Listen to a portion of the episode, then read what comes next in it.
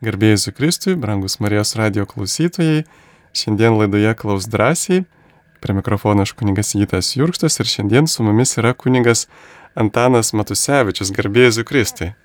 Per amžius amen. Būkite palaiminti, mėly Marijos radio klausytojai.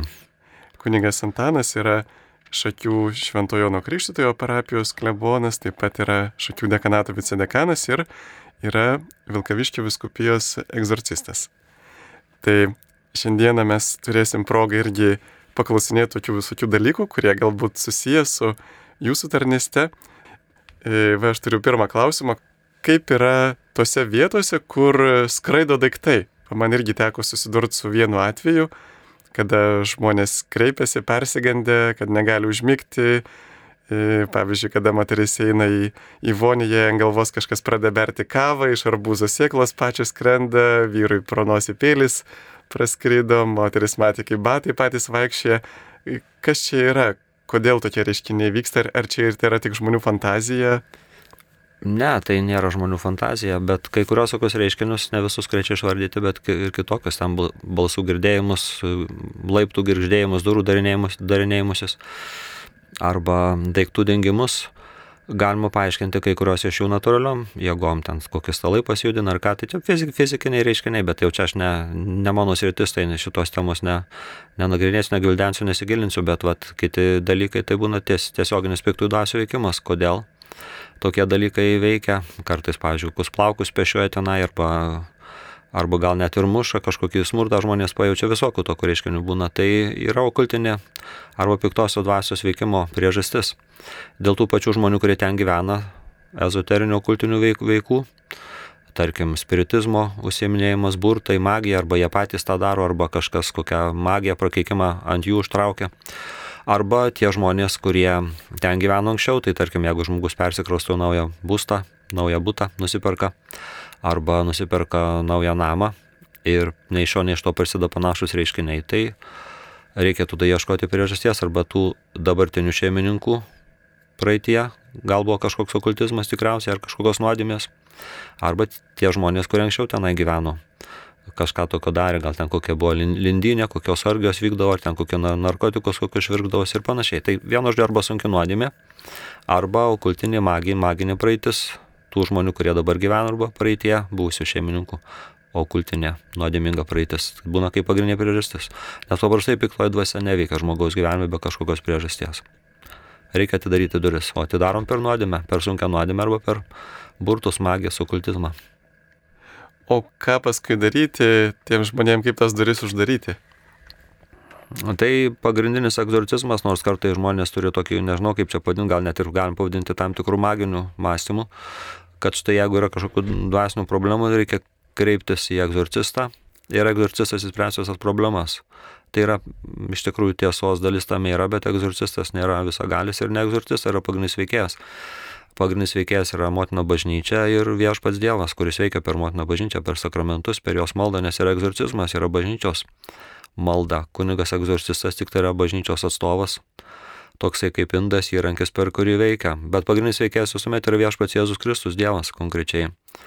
Tai va, jeigu žmogus turėjo kažkokiu tai okultinių praktikų, tai jam pirmiausia reikėtų atsigręžti visą širdim viešpatį Dievą. Padaryti gerą sąžinės apskaitą.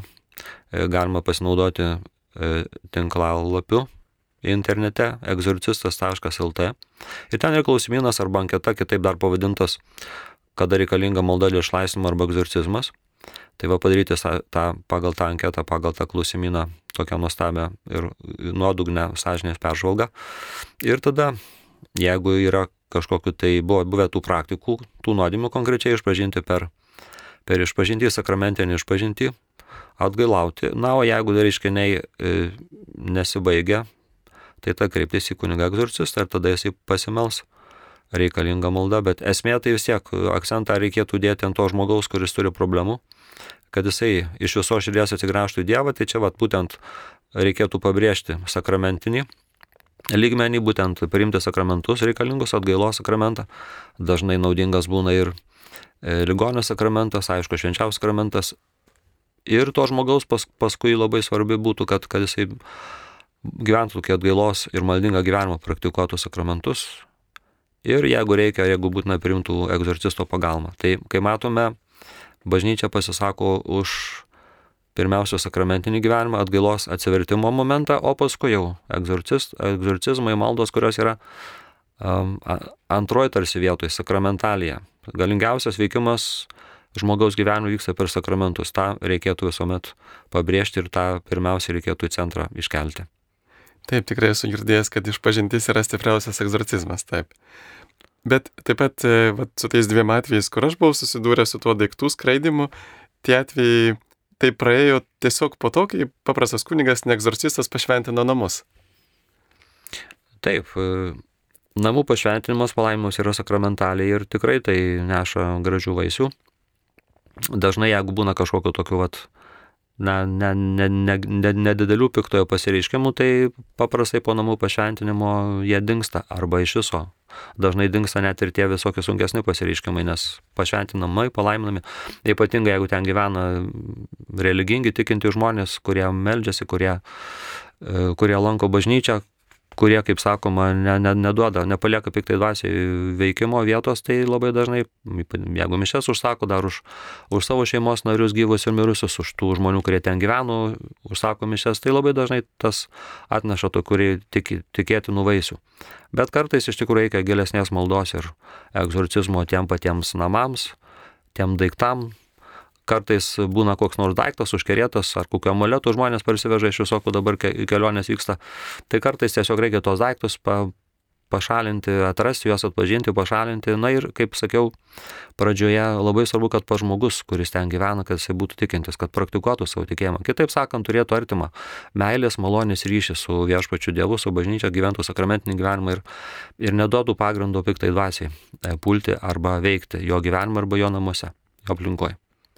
Ir dar skaičiau Šventos Teresės Avilietės autobiografiją, kaip jinai rašo, kad švestas vanduo atrodo yra labai paprasta priemonė, bet, e, sako, nuo jos visą laiką piktoji dvasia pabėga nuo švesto vandens. Ir vagaila, kad mes po pandemijos e, dažnai nebegražina į bažnyčią švesto vandens. Nu tai tos baimės, e, iš tikrųjų irgi baimė yra viena iš piktosios dvasios kozirių, naudojimų kozirių ir kažkas net yra pasakęs, kad baimė yra pagrindinė nuodėmė.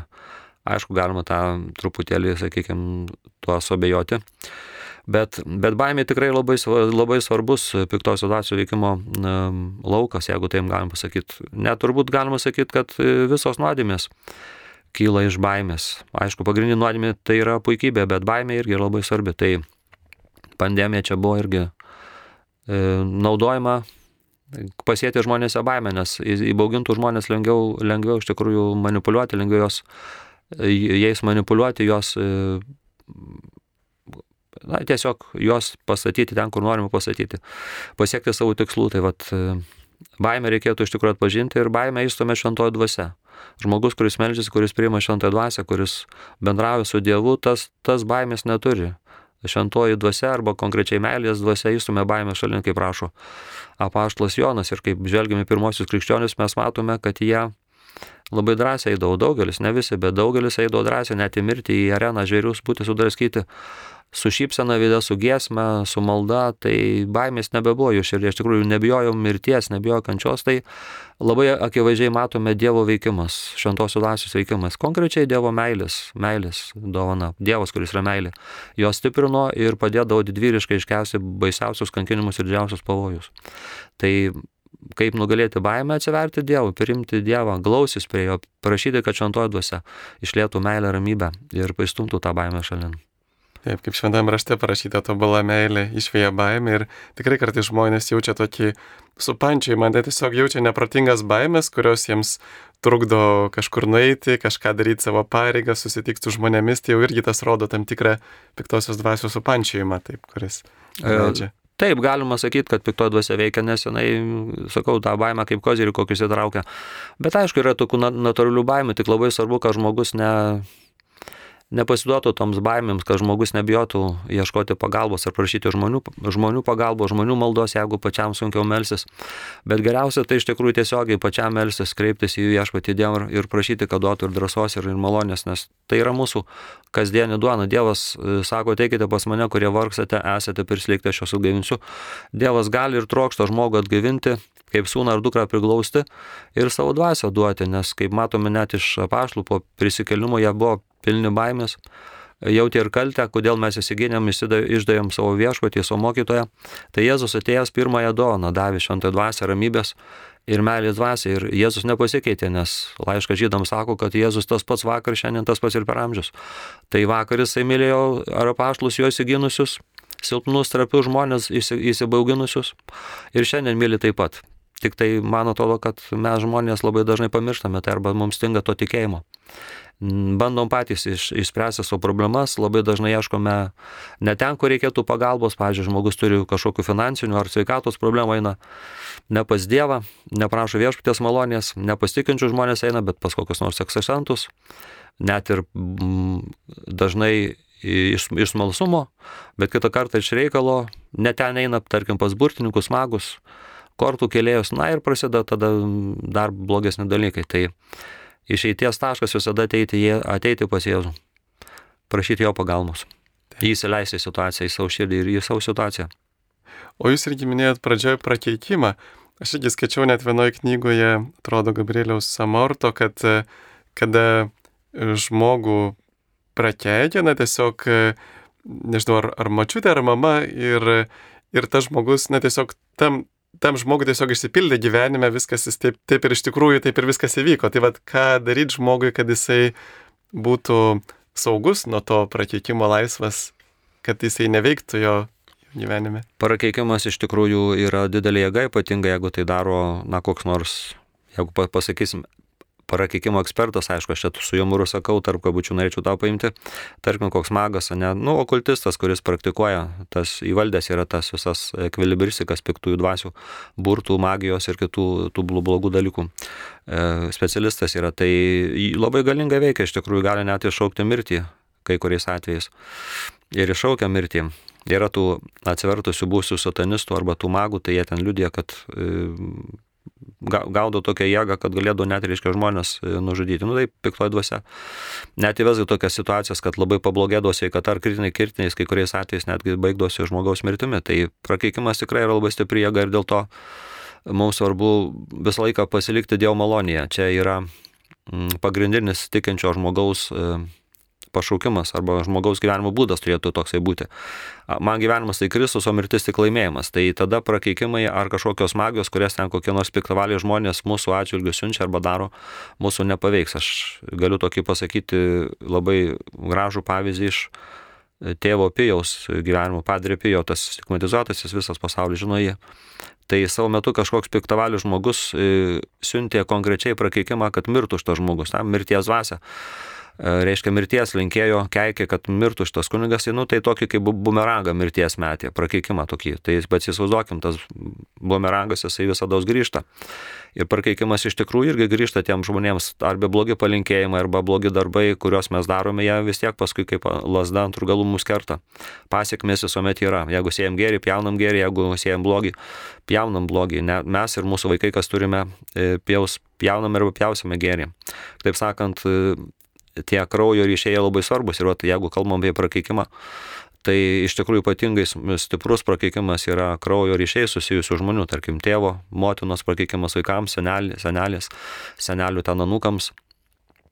Ir kaip, kaip vat, apsiginti nuo to prakeikimo, tai vėlgi grįšiu prie tėvo pijaus, tas piktavalių žmogus jam metė prakeikimą, siuntė mirties dvasę, bet e, tėvas pijus tada meldėsi ir jam visiškai nepakenkė. O tas žmogus, kuris jį norėjo tai prakeikti, jam blogo linkėjo, pats krito e, mirties ištiktas. Ir tada tėvų apie jų pranešė apie tai, kad štai vienas žmogus e, linkėjo tau mirties, keikė tave, kad mirtumai, bet sako, tau čia nieko, nieko baisaus nenutiko, o tas sako, tas žmogus krito negyvas. Ir tada tėvas Pijus ramiai ir paaiškino, kad aš turiu viešpaties apsaugą, aš esu atgailautojas, melžiuosi, iš pažinties einu nuolatos vaikštau Dievo akivaizdu, kitaip sakant, turiu tą malonės, meilės, tikėjimo ryšį, atgailos ryšį su viešpačiu ir ant manęs yra viešpatės apsauga.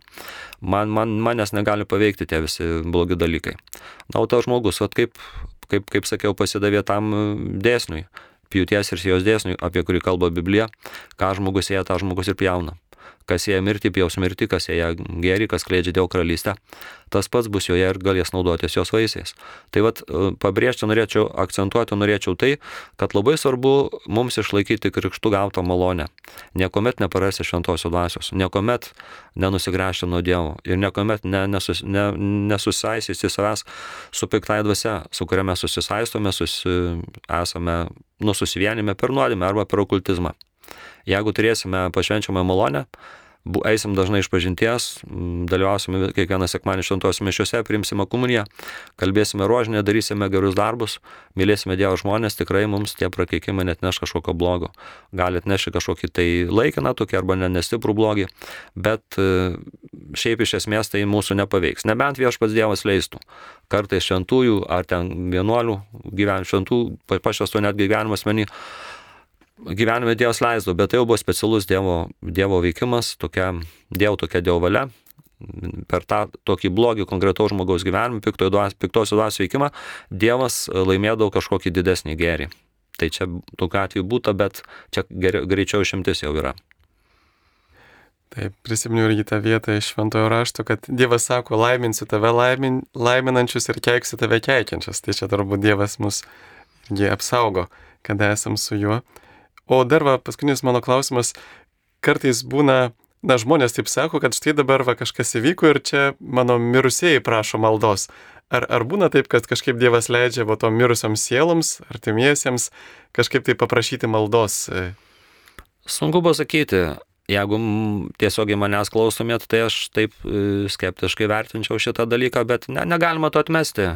Galima prileisti, kad e, viešpats Dievas leidžia tokį sapną susapnuoti, kad ten artimiai prašo maldos ar prašo valgyti, nors sakau, čia ne, negalima duoti tokio vienareikšmiško atsakymo. Tai iš tikrųjų melstis užmirusius yra išganinga mintis, mums kada kyla visokių klausimų arba, arba, arba abejonių, geriausia iš tikrųjų remtis bažnyčios mokymu. Ką sako apie tai katekizmas, bažnyčios mokymas, na, tradicija, šventieji ir šventasis raštas Tai jeigu mes susapnuojam tarsi kokį mirusį, tarkim, kokį mirusį susapnuojam savo arba kitų, kitą žmogų mirusį, ir iš tikrųjų taip mums atrodo, kad reikėtų melsis už jį, tai nieko blogo neatsitiks, jeigu mes už jį pasimelsime. Ar mišiuose, mišiuose paminėsim, tai tikrai padarysim gerą darbą. Jeigu nereikės tam žmogui, tai viešpas užskaitys mūsų maldą ir mišiauką, kurią paukosime, komunė šventą komunė, kurią paukosime, užskaitys už, už, už kitus žmonės. Taip, turime skambutį. Paskambino Anelė iš Kauno. Taip, Anelė, garbėjai Zukristui. Per amžius amen. Noriu paklausti, ar Marijos radijas transliuos praeito sekmadienio atsinojimo dienos medžiagą. Taip, tuos įrašus ko gero turėsime ir e, juos transliuosime, e, tik vad kurioje rubrikoje dar kol kas negaliu jums pasakyti. Taip. Dar buvo tiesa viena laida, kur E, laida Pasaulio sakykla praeitos savaitės, kur kalbėjo atsinaujinimo dienoje svečiavusi ta šeima iš Malazijos. Tai galite ir tą laidą susirasti Marijos radio archyvės interneto svetainėje Pasaulio sakykla praeitos savaitės. Taip, ir dar irgi nepaminėjau, kad kunigas Antanas Matusevičius pas mus irgi E, kas jau klausote, dažnai esate girdėję, jis kalbėdavo laidoje jo žaizdomis išgydyti. Ir dabar mes tas laidas sujungėme su kita laida Dievas gydo. Tai dabar galėsite jį girdėti laidoje Dievas gydo trečiadienį 17.20, taip maždaug kartą per mėnesį ar šiek tiek rečiau. Na ir periname prie jūsų klausimų. E, mirusius pagerbėme uždegdami žvakutę. Reikia žvakutės uždegimą palidėti maldą. Apie žvakučių uždegimą tai galim pasakyti taip, kad pirmiausia, to žvakės turėtų būti palaimintos, nes jeigu deginam nepalaimintas žvakės, tai iš tų žvakių deginimo praktiškai jokios naudos nei mums, nei, nei mirusiems nėra, nes nu, palaimintas daiktas jisai yra sakramentalija ir dėl mūsų tikėjimo, dėl mūsų pamaldumo, dėl mūsų maldos tas palaimintas daiktas mums arba jeigu užmirusius uždegam, tai neša tam tikras Dievo skiriamas per sakramentalės, per bažnyčios maldą teikiamas malonės. Tai pirmas akcentas, kad žvakutes, kurias žybinsime kapinės ar ant kokio nors kapo, visuomet reikėtų palaiminti, paprašyti kunigo, kad palaimintų tas žvakes. Na, o šiaip tai labai svarbu iš tikrųjų, kad mes ne tik tai žiūrėtume, kad to žvakelis degtų, bet ir aišku malda siūstume. Tai palaiminga mintis melsės už mirusius. Daug gali karšta teisio malda, apie tai Biblija kalba. Bet man tai e, visada norisi pabrėžti, kad e, labai gražu, kad mes nepamirštum, jog mes patys esame kaip žvakės. E, Jėzus sakė, jūs esate pasaulio šviesa. Todėl mes turime skleisti tą Kristaus mokslo, Kristaus malonės, Dievo meilės šviesą.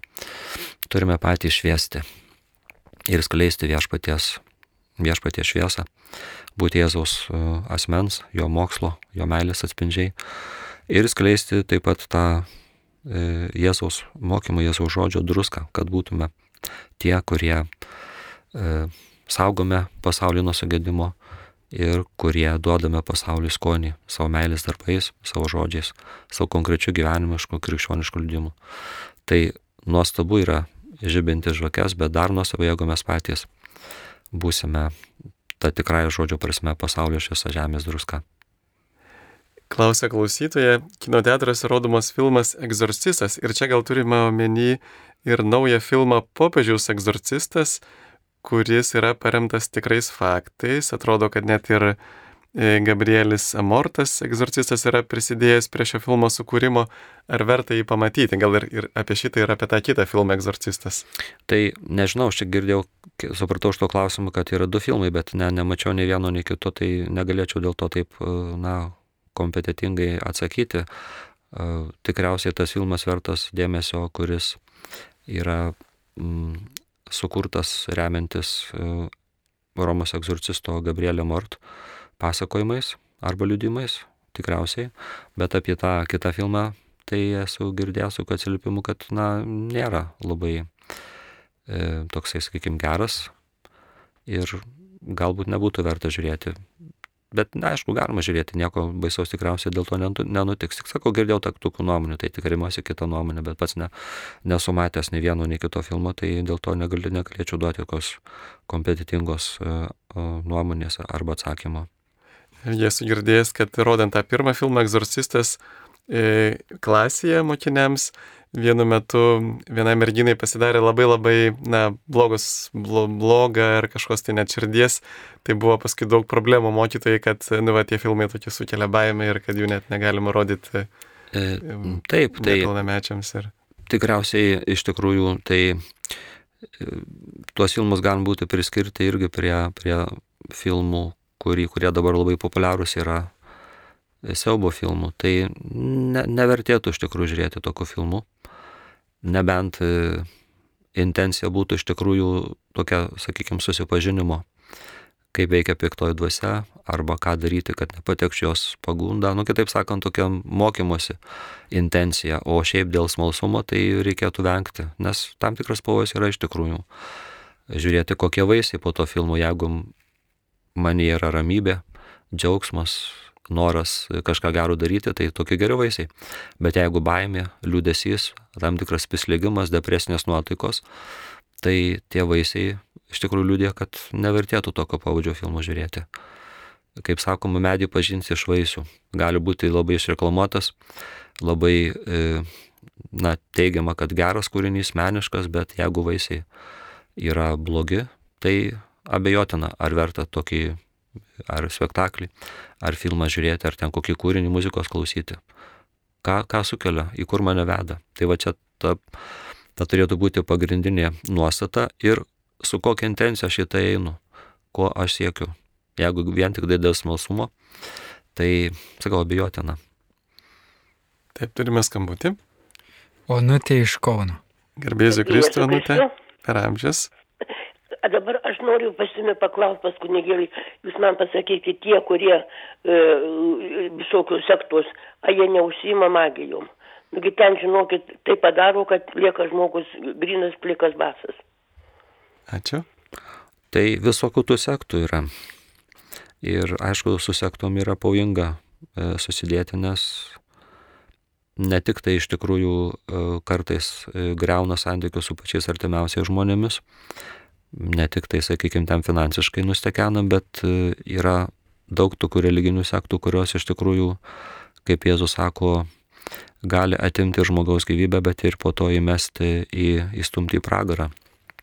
Tai yra tokių sektų, kurios yra, nu, satanistinės ar ten kokios nu, kitokios, bet jos yra pavojingos iš tikrųjų, nes jos žlugdo žmogų, greuna žmogaus dvasę, greuna asmenybę, žmogaus tapatybę, santykių su Dievu naikina per, per nuodėmės, per visokiausias e, machinacijas, per visokiausias, e, visokiausius metodiškus žmogaus perkeitimo mechanizmus. Tai pavojinga iš tikrųjų.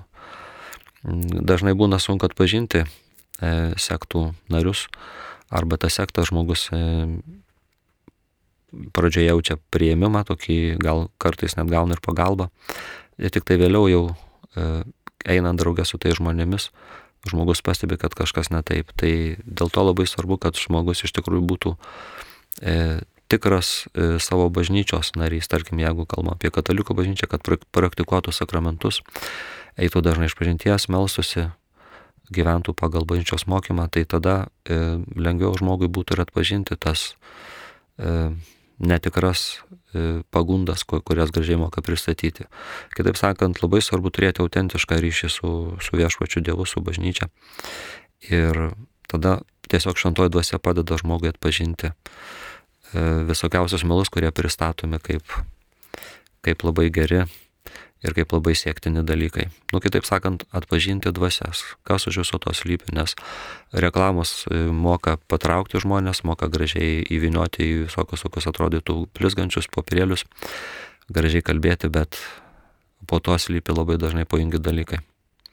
Ir kartais turbūt net tenka susidurti su žmonėmis ir pačioje bažnyčioje, įvairiose bažnyčios grupelėse, kurie turi tam tikrą sektantiškumo dvasę, gal netai pavadinčiau, kad, na, bando kažkaip tai atskirti žmonės nuo kitų, bando sakyti, kad jie vieninteliai žino tiesą ir kiti nieko nežino ir, ir vat, nu, tokie gaunasi kaip sektos lyderiai vos ne.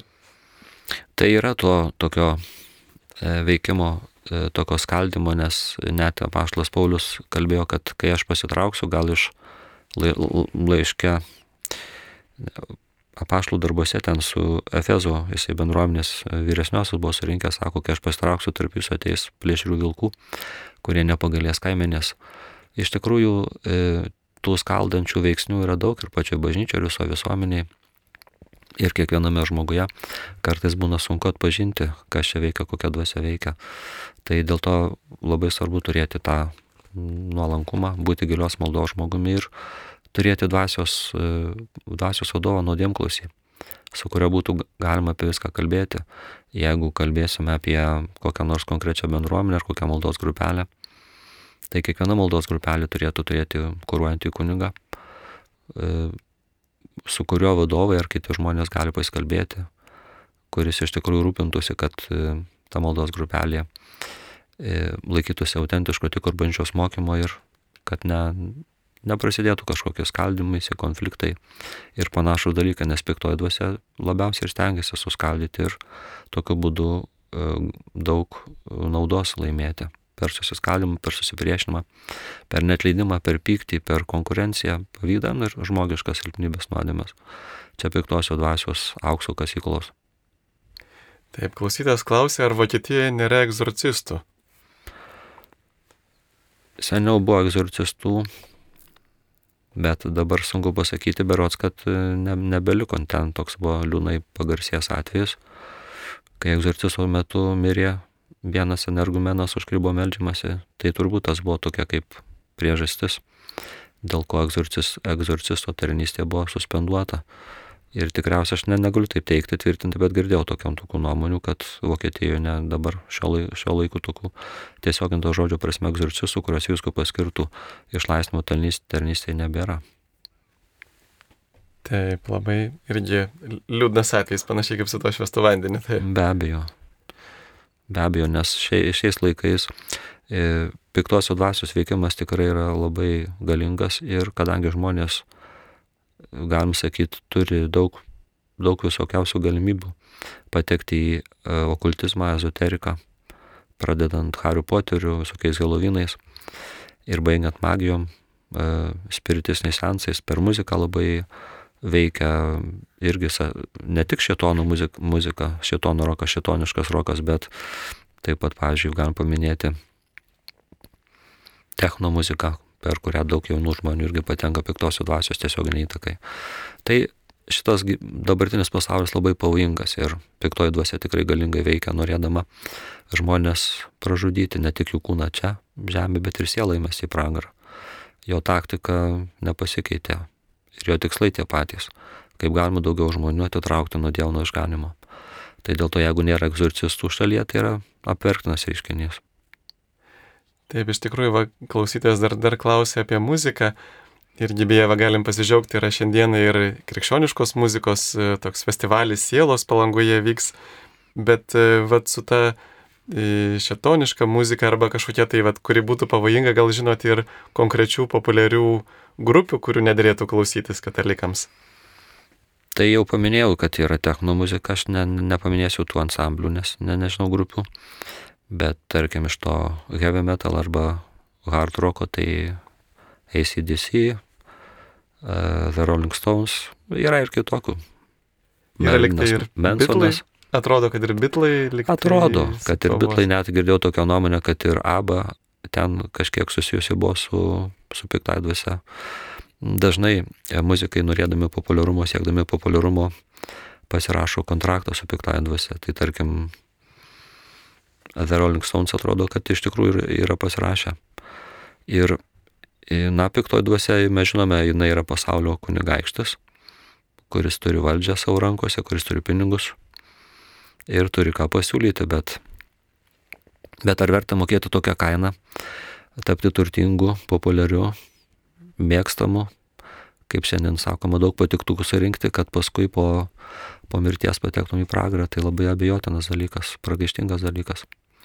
Kai Jėzus siūlė piktoji dvasia garbę, valdžią, pinigus, Jėzus sakė, kad žmogus gyvas ne vienu žodžiu, bet ne vieną duoną, bet ir kiekvienu žodžiu išėjusi iš Dievo lūpų ir galiausiai pavarė šaliniai šalin šetonė, nes parašta viešpatį Dievą garbins, ją vienam tai tarnausia. Tai muzika labai dažnai piktosios dvasios naudojama kaip įrankis patraukti jaunus žmonės. Jauni žmonės net nesusimastydami klauso, daug laiko klauso muziką, muzikos, kuri šiaip yra geras dalykas, bet kai, kai kurios muzikos rūšės, kurias paminėjau, yra tikrai labai pavojingos ir jeigu žmogus daug, daug laiko skirias klausydamas, tarkim, sunkaus metalo, tai be pėdsakų tokie dalykai nepraeis. Nu, tai neaišku, kad piktoji dvasia jį apsės, pradės varginti, bet nu, tiesiog gali psichologiškai žmogus pavargti. Gali, gali tikrai, na, jo psichika būti paveikta. Irgi esu girdėjęs, kad, e, vad jūs paminėjote apie tą prašymą sėkmės velnio, net ir Lietuvoje, atrodo, naisiuose yra toksai velnekalnis, kuriame yra, pavyzdžiui, Velnio skulptūra ir yra, esu girdėjęs, e, vienas draugas kunigas pasakojo, ir yra instrukcija, kaip pasiaukoti Velniui, kad gautum turto sėkmės ir taip toliau. Taip, tai tos, tos pagundos jos niekur nedingsta ir kiekvienas žmogus vis tiek nori jisai turėti geresnį, kokybiškesnį gyvenimą ir labai dažnai nesusimastydamas e, daro tai, ko neturėtų daryti. Nežinau apie tą naisų paminėtą atvejį tikriausiai kad e, kažkas panašaus ten yra, bet e, atsimenu vieną kartą mano sesė birutė pasakojo, kad kažkas organizavo iškelą autobusu į Žemaitiją berots. Ir labai tokia graži pažintinė kelionė, ten ne, nepasakysiu tiksliai, kur ten jie buvo, bet paskui aplankė kažkokią tai kalvą ar, ar kokį kalną ir pasiūlė e, tie žmonės, kurie ten tą edukaciją e, darė, vykdė, atlikti tam tikrą ritualą, e, nu, tokia kaip apėga ten kažką padaryti, ne, tiksliai vėlgi neatsimenu, kadangi seniai man sesuo pasakojo, bet ar kažką nu, paberti kokių žolių, ar ten kažką nulėti, nežinau, bet tai buvo tam tikra apėga. Tai mano sesė atsisakė iš tikrųjų tą daryti ir iš tikrųjų va, toks pavyzdys rodo, kad šiandien pagonybė tikrai labai, labai plečia savo įtaką. Netgi žiūrėjau vieną kartą, nesnei prieš kokį mėnesį, YouTube'e yra e, laida iš 2018 metais vykusios dainų šventės, bet ten buvo šokių diena, tai tam tikri ansambliai dabar neatsimenu tiksliai konkrečiai kokie, bet iš tikrųjų atliko tam tikrą senovinį, nu, atrodytų gražų šokį, bet aš kaip egzorcistas taip labai kritiškai žiūrėjau. Praktiškai mačiau, kad tai yra ritualas, kad tai yra garbinama jau, na, pagoniška dievybė tam tikra. Ir atrodytų, kad čia vyksta toks kultūrinis reiškinys, gražus šokis, bet praktiškai tai tie žmonės, kurie tenai šoko, kai kurie iš jų priklauso ar romoviečiai, ar, ar kažkokie tai bendruomeniai, iš tikrųjų atliko tam tikras apingas, pagoniškas apingas. Tai va atrodo gražus kultūrinis reiškinys, šokių diena, dainų šventė, šokiai, bet iš tikrųjų e, tie žmonės, kurie na, priklauso tam tikrai bendruomeniai, pagoniškai bendruomeniai, tą panaudoja platindami savo, savo tokį, nu, pagonybę. Praktiškai galim sakyti taip. Ir va toks įteisintas dalykas, pagoniškas dalykas, ritualas, apeiga atliekama ir niekas nemato čia problemos ir niekas nemato, kad tai yra pragaištinga. Tai čia galima būtų kalbėti apie tai, kaip e, per tas e, pagoniškas apėgas įvyksta tam tikras įvesdinimas, arba tarkim vaikai, jaunimas per muziką yra įvesdinami iš šitono garbintųjų e, gretas netiesiogiai.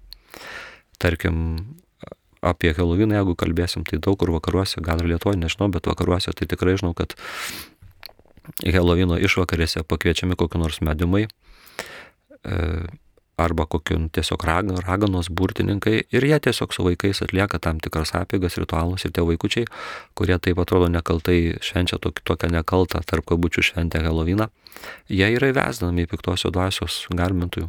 Netiesiogiai, nesamoningai, bet vis dėlto įvesdinami. Ir velnės į tai žiūri labai rimtai. Paskui tų žmonių gyvenime gali vykti blogi dalykai. Tai daug tų, sakau, tokių pavojingų reiškinių šio, šio laikinį visuomenį, ar tai muzika, ar tai, ar tai kaip matėm šokiai, ar tai kokios tokios labai platinamos šiandien Helvino ar kitokios šventės. Ir dėl to labai svarbu būdėti ir mokėti atpažinti tas e, pagoniškas apėgas ir piktojo veikimo būdus. O tų būdų ir galimybių jam šiai, e, šio laikinė kultūra e, sudaro tikrai ganėtinai daug. Jis irgi kalbėjo su viena mergina, kuri patyrė apsėdimą, paskui stebuklingą tokį išlaisvinimą. Ir jinai pasakojo, kaip šventė Helovyną ir jai sugrįžo per Helovyno šventimą tie dalykai, na, tas piktosios dvasios e, apsėdimas, būtent kada jie šventė su draugais ne, ne, nepasižiūrėję. O iš tikrųjų, kaip Jūs manote, e, kaip krikščionis turėtų reaguoti į Helovyną, pavyzdžiui, ar tėvai turėtų neleisti vaikų į tas šventes, ar priešingai turėtų kažkaip pabandyti tą šventę švęsti krikščioniškai, nes tai juk yra galėtų būti visų šventųjų vigilija? E, Amerikoje Helovinas yra labai populiarus, tiesiog kultūros dalis, e, tiesiog savastim ta, tam tikra ta, tapatybė tapo tos visuomenės. Tai aš girdėjau neseniai profesorius Vincentas Vobulevičius pasakojo, jis ten studijavo Amerikoje, baigė studijas. Tai sakė, yra nemažai krikščionių, turbūt katalikų, kurie švenčia Helovyną kitaip. Nu, nešvenčia daug Helovyno, bet iš tikrųjų duoda kitokį, kitokį pavyzdį. Pavyzdžiui, aprengia savo vaikus, mėgų mergaitės, tai vienuolės rūbais ar kokio nors šventojo ar šventosios. Ir, ir iš tikrųjų pabrėžia tą visų šventųjų šventės prasme.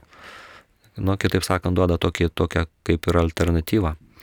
Nes Helovynas tai yra pagoniška šventė netgi šaknis siekia Airijos, dabartinis Airijos teritorija, ten druidai, kelt, keltų kultas garbino mirties demoną Samhainą. Ir praktiškai mūsų krikščionius tai yra neprimtina, kadangi tai yra pagoniška šventė, o naudodamas progą galėčiau priminti,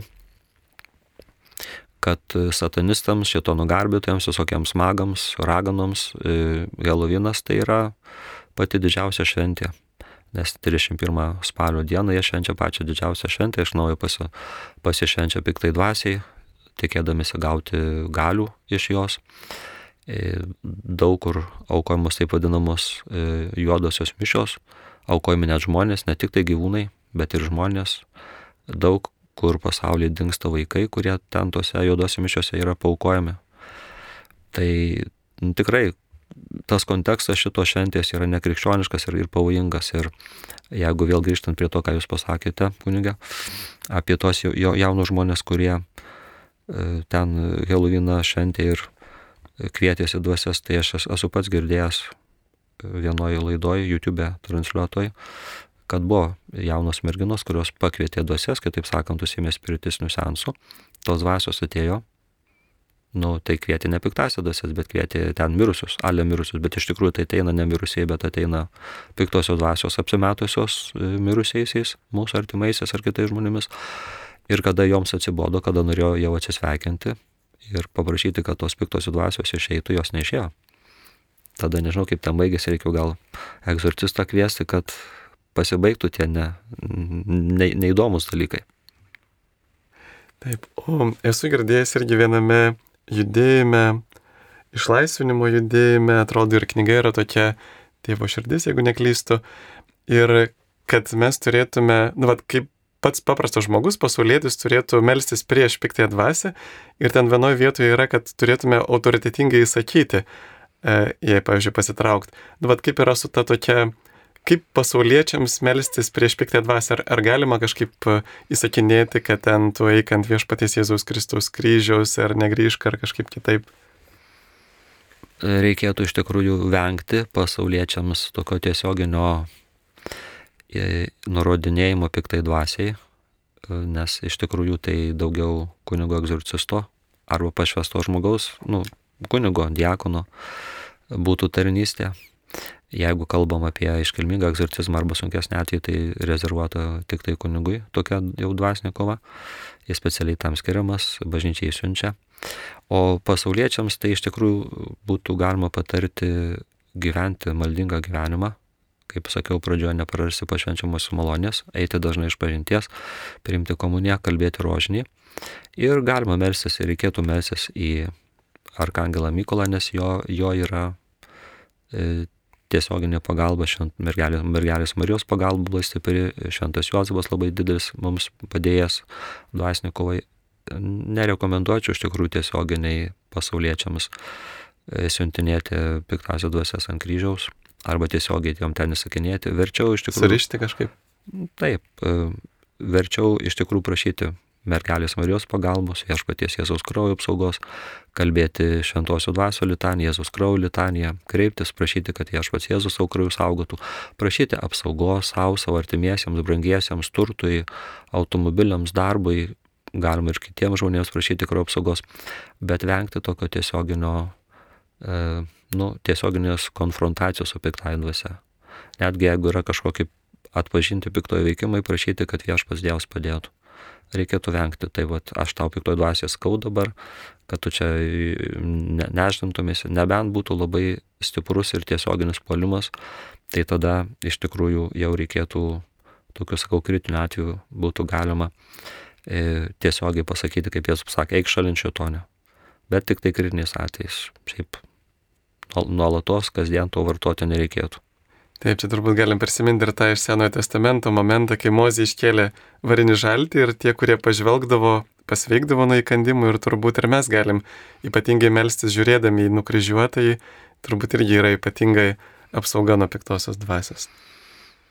Tai e, galim prisiminti Dovydą, kuris būdamas dar jaunuolis išėjo į kovą su galijotu. Galijotas yra piktosios dvasios arba šitono simbolis. Tai ten Dovydas pasako keletą tokių labai svarbių dalykų, kad aš einu į kovą viešpaties Jėzos vardu ir kad kova yra viešpaties. Tai nereikia niekada pamiršti, kad mes e, niekada nuo Jėzaus neatsiskiriam, atsiskiriam per nuodėmę, bet jeigu, kaip kalbėjome šiandien, esame pašvenčiamos malonės būklė, tai mes esame saugus, mes esame Kristuje, Kristus mumise, visa švenčiausia trybė mus gina, su mumis yra visa bažnyčia, tai ne tik šitie žmonės, kuriuos mes matome, šitą žemišką keliaujantį arba kojantį bažnyčią, bet taip pat už mus meldžiasi skaistyklo esantis, taip pat triumfuojantis, dangų esantis. Tai mes esame saugus iš tikrųjų. Niek, nieko negalim nutikti, piktodasi nieko negalim padaryti. Gali mus varginti, gali mums e, kenkti, bet mes esame apsaugoti, jeigu esame malonės būklėje viešpats Jėzus mus gina ir saugoja. Tai va šitą turėti tikėjimo žvilgsnį labai svarbu. Gaila, kad tas tikėjimas dažnai mūsų yra susviruojantis arba mes iš tikrųjų na, nelabai tikim, nelabai turim, nelabai praktiškai gyvenam tuo asmenišku ryšio su Jėzumi palaikymu. Tai čia yra problema. Turime skambutį. Paskambino laimutė iš Vilniaus. Labas rytas. Labas rytas, Lamute.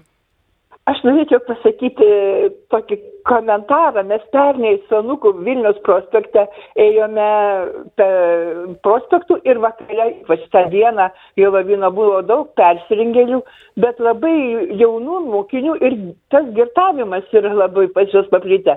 Jie, kad gautų drąsos, jie girti buvo ir pilnas gatvės girtų su kaukėmis. Ir tas yra blogai, kad jie ėjo net per gatvę ir krito ant tos gatvės mašinos ant stabdžių tiesiog e, važiavo stabdė. O ir praeivis, kad yra sos būtų prisidūrę gazdino, tiesiog lengvai veidą per COVID situaciją apspjaudavo. Nu, kažkoks košmaras, žodžiu. Tai man labai pasipiktinau, taip kažkaip, kad ant kapų melstusi savo močiutes, dėdukus, jie jie tiesiog patys gali mirti tą, tą akimirką va tokiu, va tokiu būdu. Vien, kad jiems būtų linksma ir ta situacija tokia e, pas save nu, įsireikštų pasilinksminimo būdu. Taip, ačiū už komentarą. Galima pasakyti, kad Helovinas tai yra viena iš mirties kultūros apraiškų Jonas Paulius II, šventas popiežius, yra sakęs, kad dabartinę kultūrą galim pavadinti mirties kultūra. Tai čia galima paminėti ir abortus, ir eutanaziją, ir kontraceptikus, kurie labai plačiai naudojami. Bet ir šitas vat, Helovinas tai yra viena iš apraiškų. Kai aš važiavau vat, į, į Kauną, į Marijos radijos studiją, tai važiuojant nuo Šakių, po dešiniai, kai artėjame prie nusileidimo nuo Zapiško kalno, yra nuoroda mirusių miestas, angliškai Dead Town atrodo.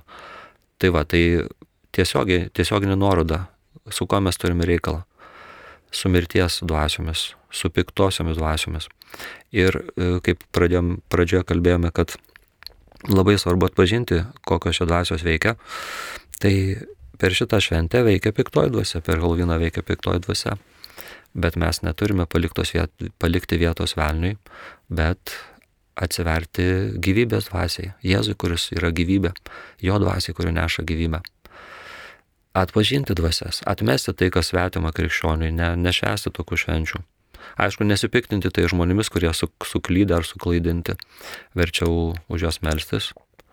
Ir jeigu yra galimybė jiems bandyti paaiškinti, bet be pykčio, be viršenybės, savo viršenybės pabrėžimo, be jų kažkokio pažeminimo. Jeigu žmonės klauso, galima paaiškinti ir duoti kokiu nuorodu, kad patys žmonės paskaitytų e, kokią knygą ar kokį straipsnį. Tiesiog labai svarbu, kad mes patys būtume gyvybės kultūros ir gyvybės civilizacijos kleidėjai. O mirties kultūros apraiškų yra per daug. Ir karai visokie ir visa kita, nu, net apie tai nesnorim kalbėti. Tai vad, jūsų, dėkoju už tą jūsų komentarą, jūsų tą pastabą, kad apsirengę visokiam kaukiam ir mir, mirtį šlovinančiom ar mirtį, mirtį skleidžiančiom girti žmonės, nu, tiesiog yra suklydę, nesusigaudantis. Gaila, kad taip yra, bet, bet tiesiog reikia prašyti viešpati, kad jisai duotų šviesos, kad duotų tą malonę, pažinti tiesą, kuri išlaisvina. Klausytojas piktinasi, sako, kad argi ne pati katalikų bažnyčia skiepė baimę žmonėms, gazdindama pragaru bažnyčia niekada negrasina ir niekada negazina, bet bažnyčia kaip ir viešpats Jėzus perspėja, nes Jėzus irgi žmonės pers, perspėjo, kaip tėvas motina perspėja vaiką, kuris daug ko nesupranta, neimk vaikelį degtukų, nes gali blogai būti, arba eik per gatvę tik tai, kai dega žalia šviesoforo e, liepsnelė šviesa. Tai mes nesakom, kad tėvas arba motina atlieka blogą darbą, jeigu vaikus perspėja, kad jeigu taip darysi, tau vaikeliui gali kažkas blogo nutikti. Tai va, tai mes žmonės esame labai riboti, daug ko nepažįstam, nežinom velnio, velnio klastų, jis yra tas velnės piktoji duose labai galingas, labai rafinuotas, daug kartų galingesnis už žmogų savo intelektualiniais gebėjimais. Tai yra puolės angelas, Dievas jam davė didelių galių, bet ne tam, kad naudotų piktam, bet kai tapo tas puolęs angelas piktaiduose, tai dabar tas galės panaudoja, kovodamas prieš Dievą ir prieš žmonės. Tai bažnyčia e, labai gerai žinodama tuos pavojus ir nenorėdama, kad ne vienas žmogus patektų į pragarą, e, kalba, kad tam tikri dalykai yra pavojingi. Ir Jėzus aiškino, kad yra pragaras, bet Jėzus netam atėjo į žemę, kad žmonės jį baugintų, nubaustų, pabartų ar pagrasintų į pragarą, juos e, įstumtų, bet kaip tik labai graži Evangelijos širdis yra Jono Evangelijos trečiame skyriuje. 16 lūtė Dievas taip pamilo pasaulį, kad atsiuntė savo viengimį sūnų, įdant kiekvienas, kuris įtikė nepražūtų, turėtų amžiną gyvenimą. Todėl mums būtina kartais išgirsti kritiką, mums būtina kartais gauti pastabų arba įsiklausyti, ką motina bažnyčia kalba, kas galima, kas negalima, nes ne visi mūsų pasirinkimai yra naudingi tiek mūsų žemiškam gyvenimui, tiek ir amžinybėje. Todėl netikslu būtų sakyti, kad bažnyčia gazina, kad bažnyčia grasina pragaro bausme. Bažnyčia sako, kad pragaras yra, bet ir Dievas yra. Ir Dievas nėra tam, kad mus į pragarą nuvestų, bet kad visus priimtų į savo amžiną laimę. O Jėzus ant kryžiaus numirė už visus ir kiekvieną. Kiekvienas, kuris įtiki, kiekvienas, kuris Jėzų priima, kuris Jėzų myli, kuris Jėzų žodžių klauso ir jo, jos vykdo, yra jau dabar perkeliamas į gyvenimą. Kas mano žodžių klauso, mane atsiuntus jo tiki, tas iš mirties ir perės į gyvenimą. Tai pragaras nebaisus tam, kas tiki, kas myli Dievą ir kuris yra Dievo mylimas, kuris priima Dievo meilę. Tarsi pragaras neegzistuotų tokiam žmogui, nebijo bausmės jau kaip matėme Jonas Evangelijos penktame skyrius sako, jau tas, kuris dabar tiki į žodžių klauso, pagal jos gyvena, jau dabar iš mirties yra perėsi gyvenimą. Jau pragaras tam žmogui tarsi neegzistuoja. Jis nebijo teismo. Jis gali su Paulium sakyti, man gyvenimas tai Kristus, o mirtis tik laimėjimas. Ačiū turime skambutį. Audronė iš Vilniaus. Taip, audronės. Garbėjas Kristui. Per amžius. Čia prieš tai laidoje kalbėjote, pasakėte tokią frazę, kad jeigu labai piktuoji dvasia puolas, sakyti atstok šetonę. Tai aš prisiminiau tokią maldą, kurią mano senelytė, nu, močiutė, kalbėdavo. Gulu patalan kaip graban, Dievas žino, atsikelsiu ar ne. Atstok šetonai nuo manį, nebijau aš tavį. Ateina motinėlė švenčiausia, dvylika aš 12 angelų, 12 paštalų, vienoje rankoje kryžius, kitoje rankoje krapylas. Ko tu nori, bėdna dušė? nori lengvo numirimo ir po smerties nuodėmių atleidimo. Tai va, tokia malda kalbėdavo. Ačiū labai gražiai, taip, dėkui.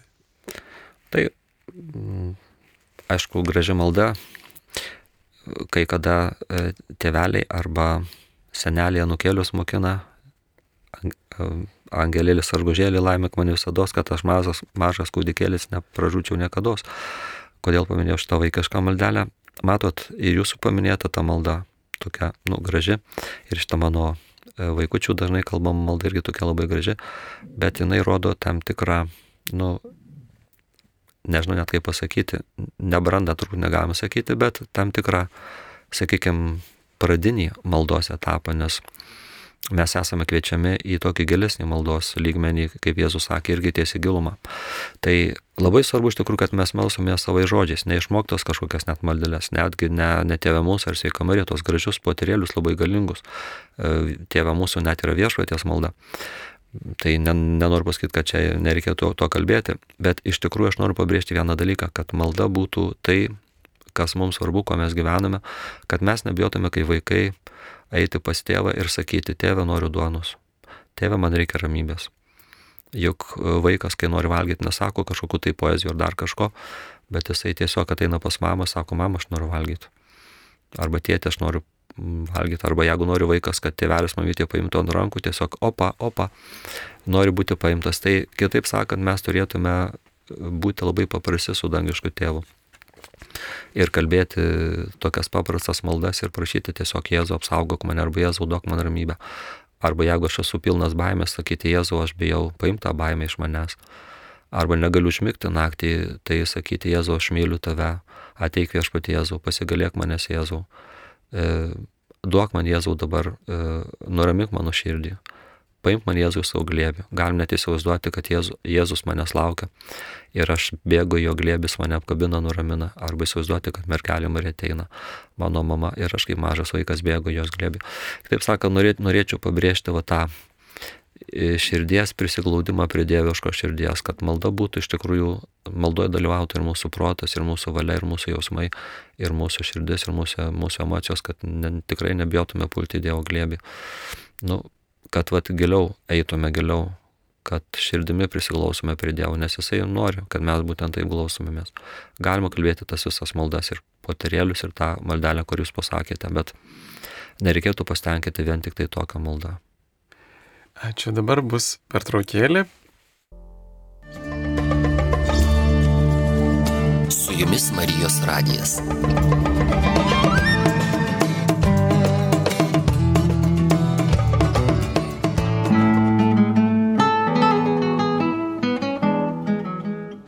Brangus Marijos radio klausytojai, dėkojame Jums už Jūsų maldas, aukas, savanorystę.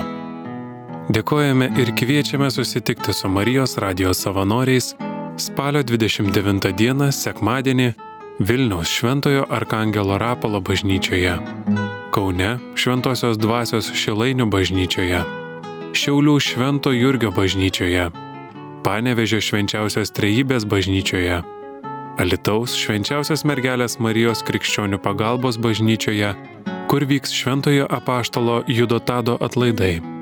Jurbarko švenčiausios trejybės bažnyčioje, Akmenės šventos Onos bažnyčioje, Kvedarnos Šilalės rajone švenčiausios mergelės Marijos nekaltojo prasidėjimo bažnyčioje, Žeimių Jonavos rajone švenčiausios mergelės Marijos gimimo bažnyčioje, Lukščių Šakių rajone Švento Juozapo bažnyčioje, Onuškio Trakų rajone Šventųjų apaštalų Pilypo ir Jokūbo bažnyčioje, Žilinių Varėnos rajone Šventojo Antano Paduviečio bažnyčioje.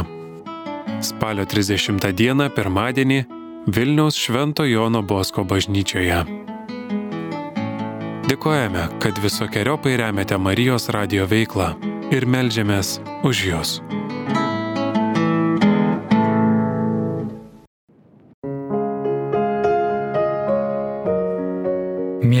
Marijos radio klausytojai, radio veiklai paukoti galite paskambinę trumpaisiais Telija ir Tele2 fiksuoto, tai yra laidinio bei mobilaus ryšio numeriais. Paskambinę numeriu 1622, vienu skambučiu paukosite 10 eurų. Paskambinę numeriu 1623, vienu skambučiu paukosite 20 eurų. Jeigu norite paukoti didesnę sumą, skambinkite keletą kartų. Kartu tęskime Marijos radio misiją.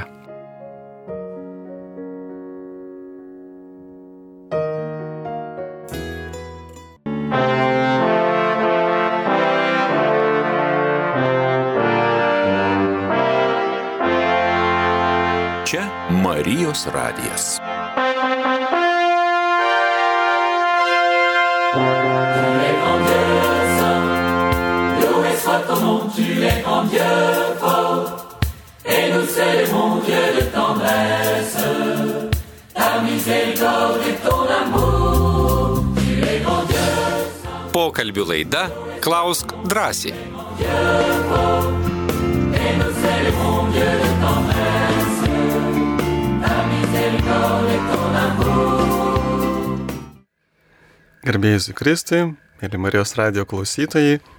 mes grįžtame į laidą ir su mumis primenu yra kuningas Antanas Matusevičius, Šakių Šventojo Jono Krikštitojo parapijos klebonas, Šakių vicedekanas ir kartu Vilkaviškio viskupijos egzorcistas. Jisai taip pat yra mūsų Marijos radio e, laidų vedėjas, anksčiau vesdavo laidą jo žaizdomis išgydyti, dabar e, maždaug kartą per mėnesį irgi veda laidą Dievas gydo, trečiadienį 17.20 galite paklausyti.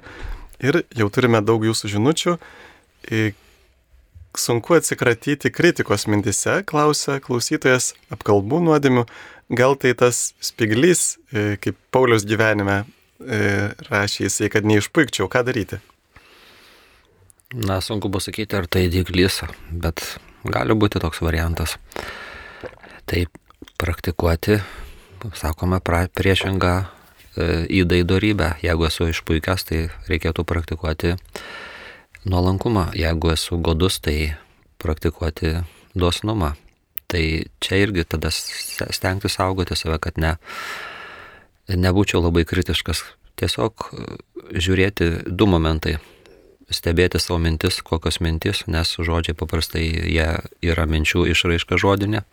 Tai vad būdėti prie minčių, kad mintimis nesmerkčiau, nebūčiau super kritiškas. Ir jeigu netgi mintys jau mano kritiškos, kad to neišsakyčiau. Tai romėnai praktikuodo tokį pratimą.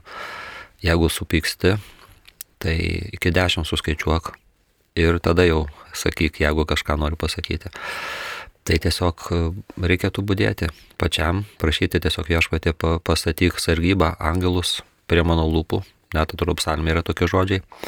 Ir pačiam mersis, Dieve, padėk man, kad savo žodžiais neužgaučiau, kad nebūčiau ten labai kritiškas arba neapkalbinėčiau. Ir būdėti, stengtis prikasti e, liežuvių net ir pusiai, pusiai sakinio. Alan John iš Anglijos pareiškė, jeigu žmogus su pusė nupjauto plaučio, nes buvo vežys, pamaldos ryte gavo naujus pločius. Klausytojas piktinasi, kodėl tyčiojasi iš žmonių, gal ir man paprašyti, kad sesiai naujas akis Dievas dovanotų ir ryte nubus reginti. Nu, gal skamba kaip humoras, bet kodėl Dievas negali sukurti naujų, naujų organų? Nežinau, šito konkrečio atveju nežinau, negalėčiau komentuoti, bet e, tai Dievo visą galybės nepriboja. Gal Dievas iš tikrųjų kartais taip tai atlieka, arba kai išgydo kokią mirtiną ligonį, tai kitus tie stebuklai vyksta, net miršus prikelia. Tai argi būtų Dievui sunkiau iš tikrųjų sukurti plautį, negu prikelti kokį numirusių žmogų.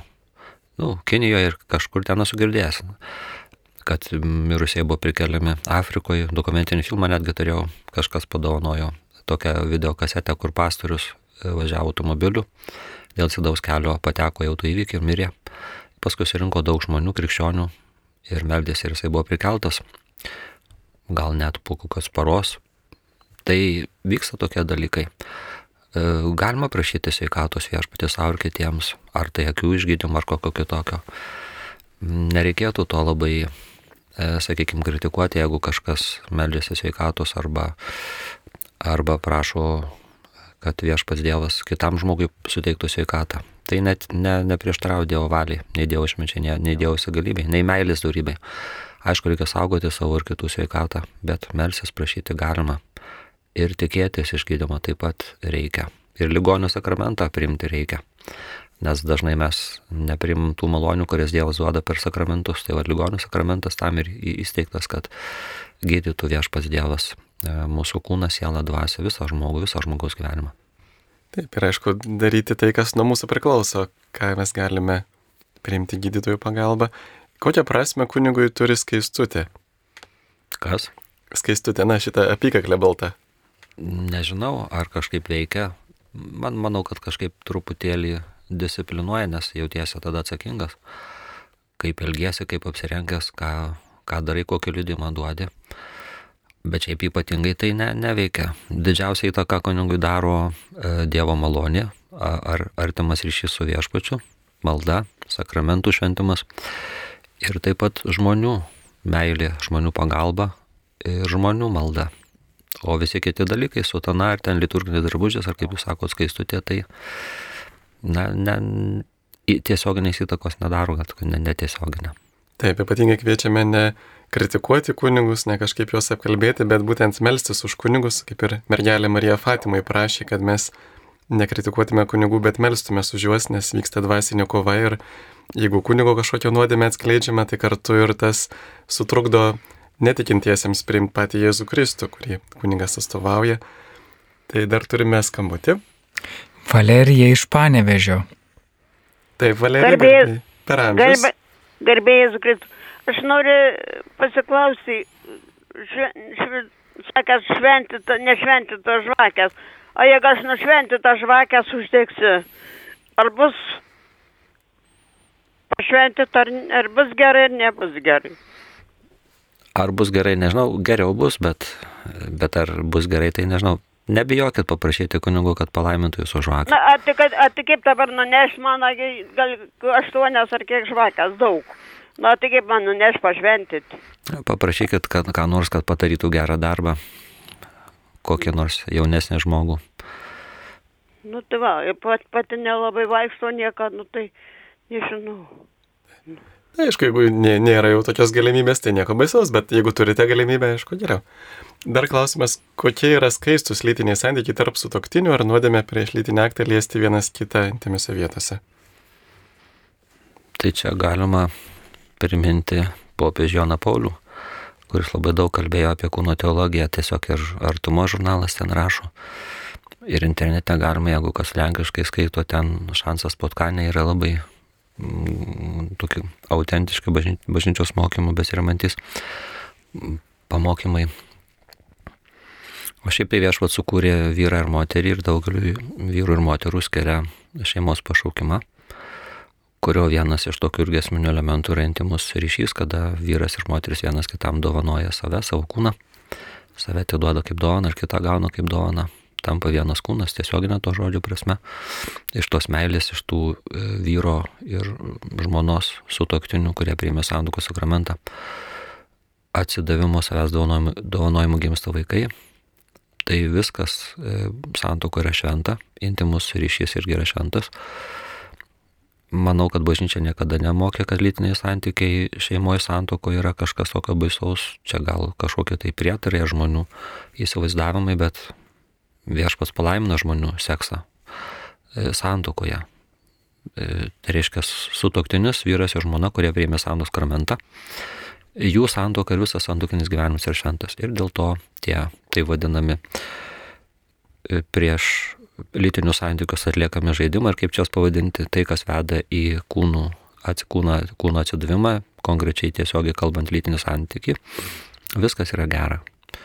Galimos glamonės, tai vadinamas petingas, ir liesti, vienas kitą glamonėti ir paskui atsiduoti, dovanoti pilnatviškai, reiškia, sueina, sueitimi lytinių, lytinius, lytinį aktą atliekant. Tai čia yra šventa, tai yra palaiminta. Čia tokia Dievo valia, kad sutoktiniai priemė santokos sakramentą, noriu pabrėžti, tik tai santokos sakramentą priemė žmonės gali turėti intimus ryšius. Tai su toktinių atveju tai yra šventa, tai yra palaiminta, tai yra geris. Skirtas su patiems sutoktiniams naujos gyvybės pradėjimui, praktiškai ir visuomenės labai, nes jeigu bus laimingi sutoktiniai, tai ją ir vaikus padarys laimingus ir e, visai visuomenė ir bažnyčia atneš daug e, dvasinės naudos.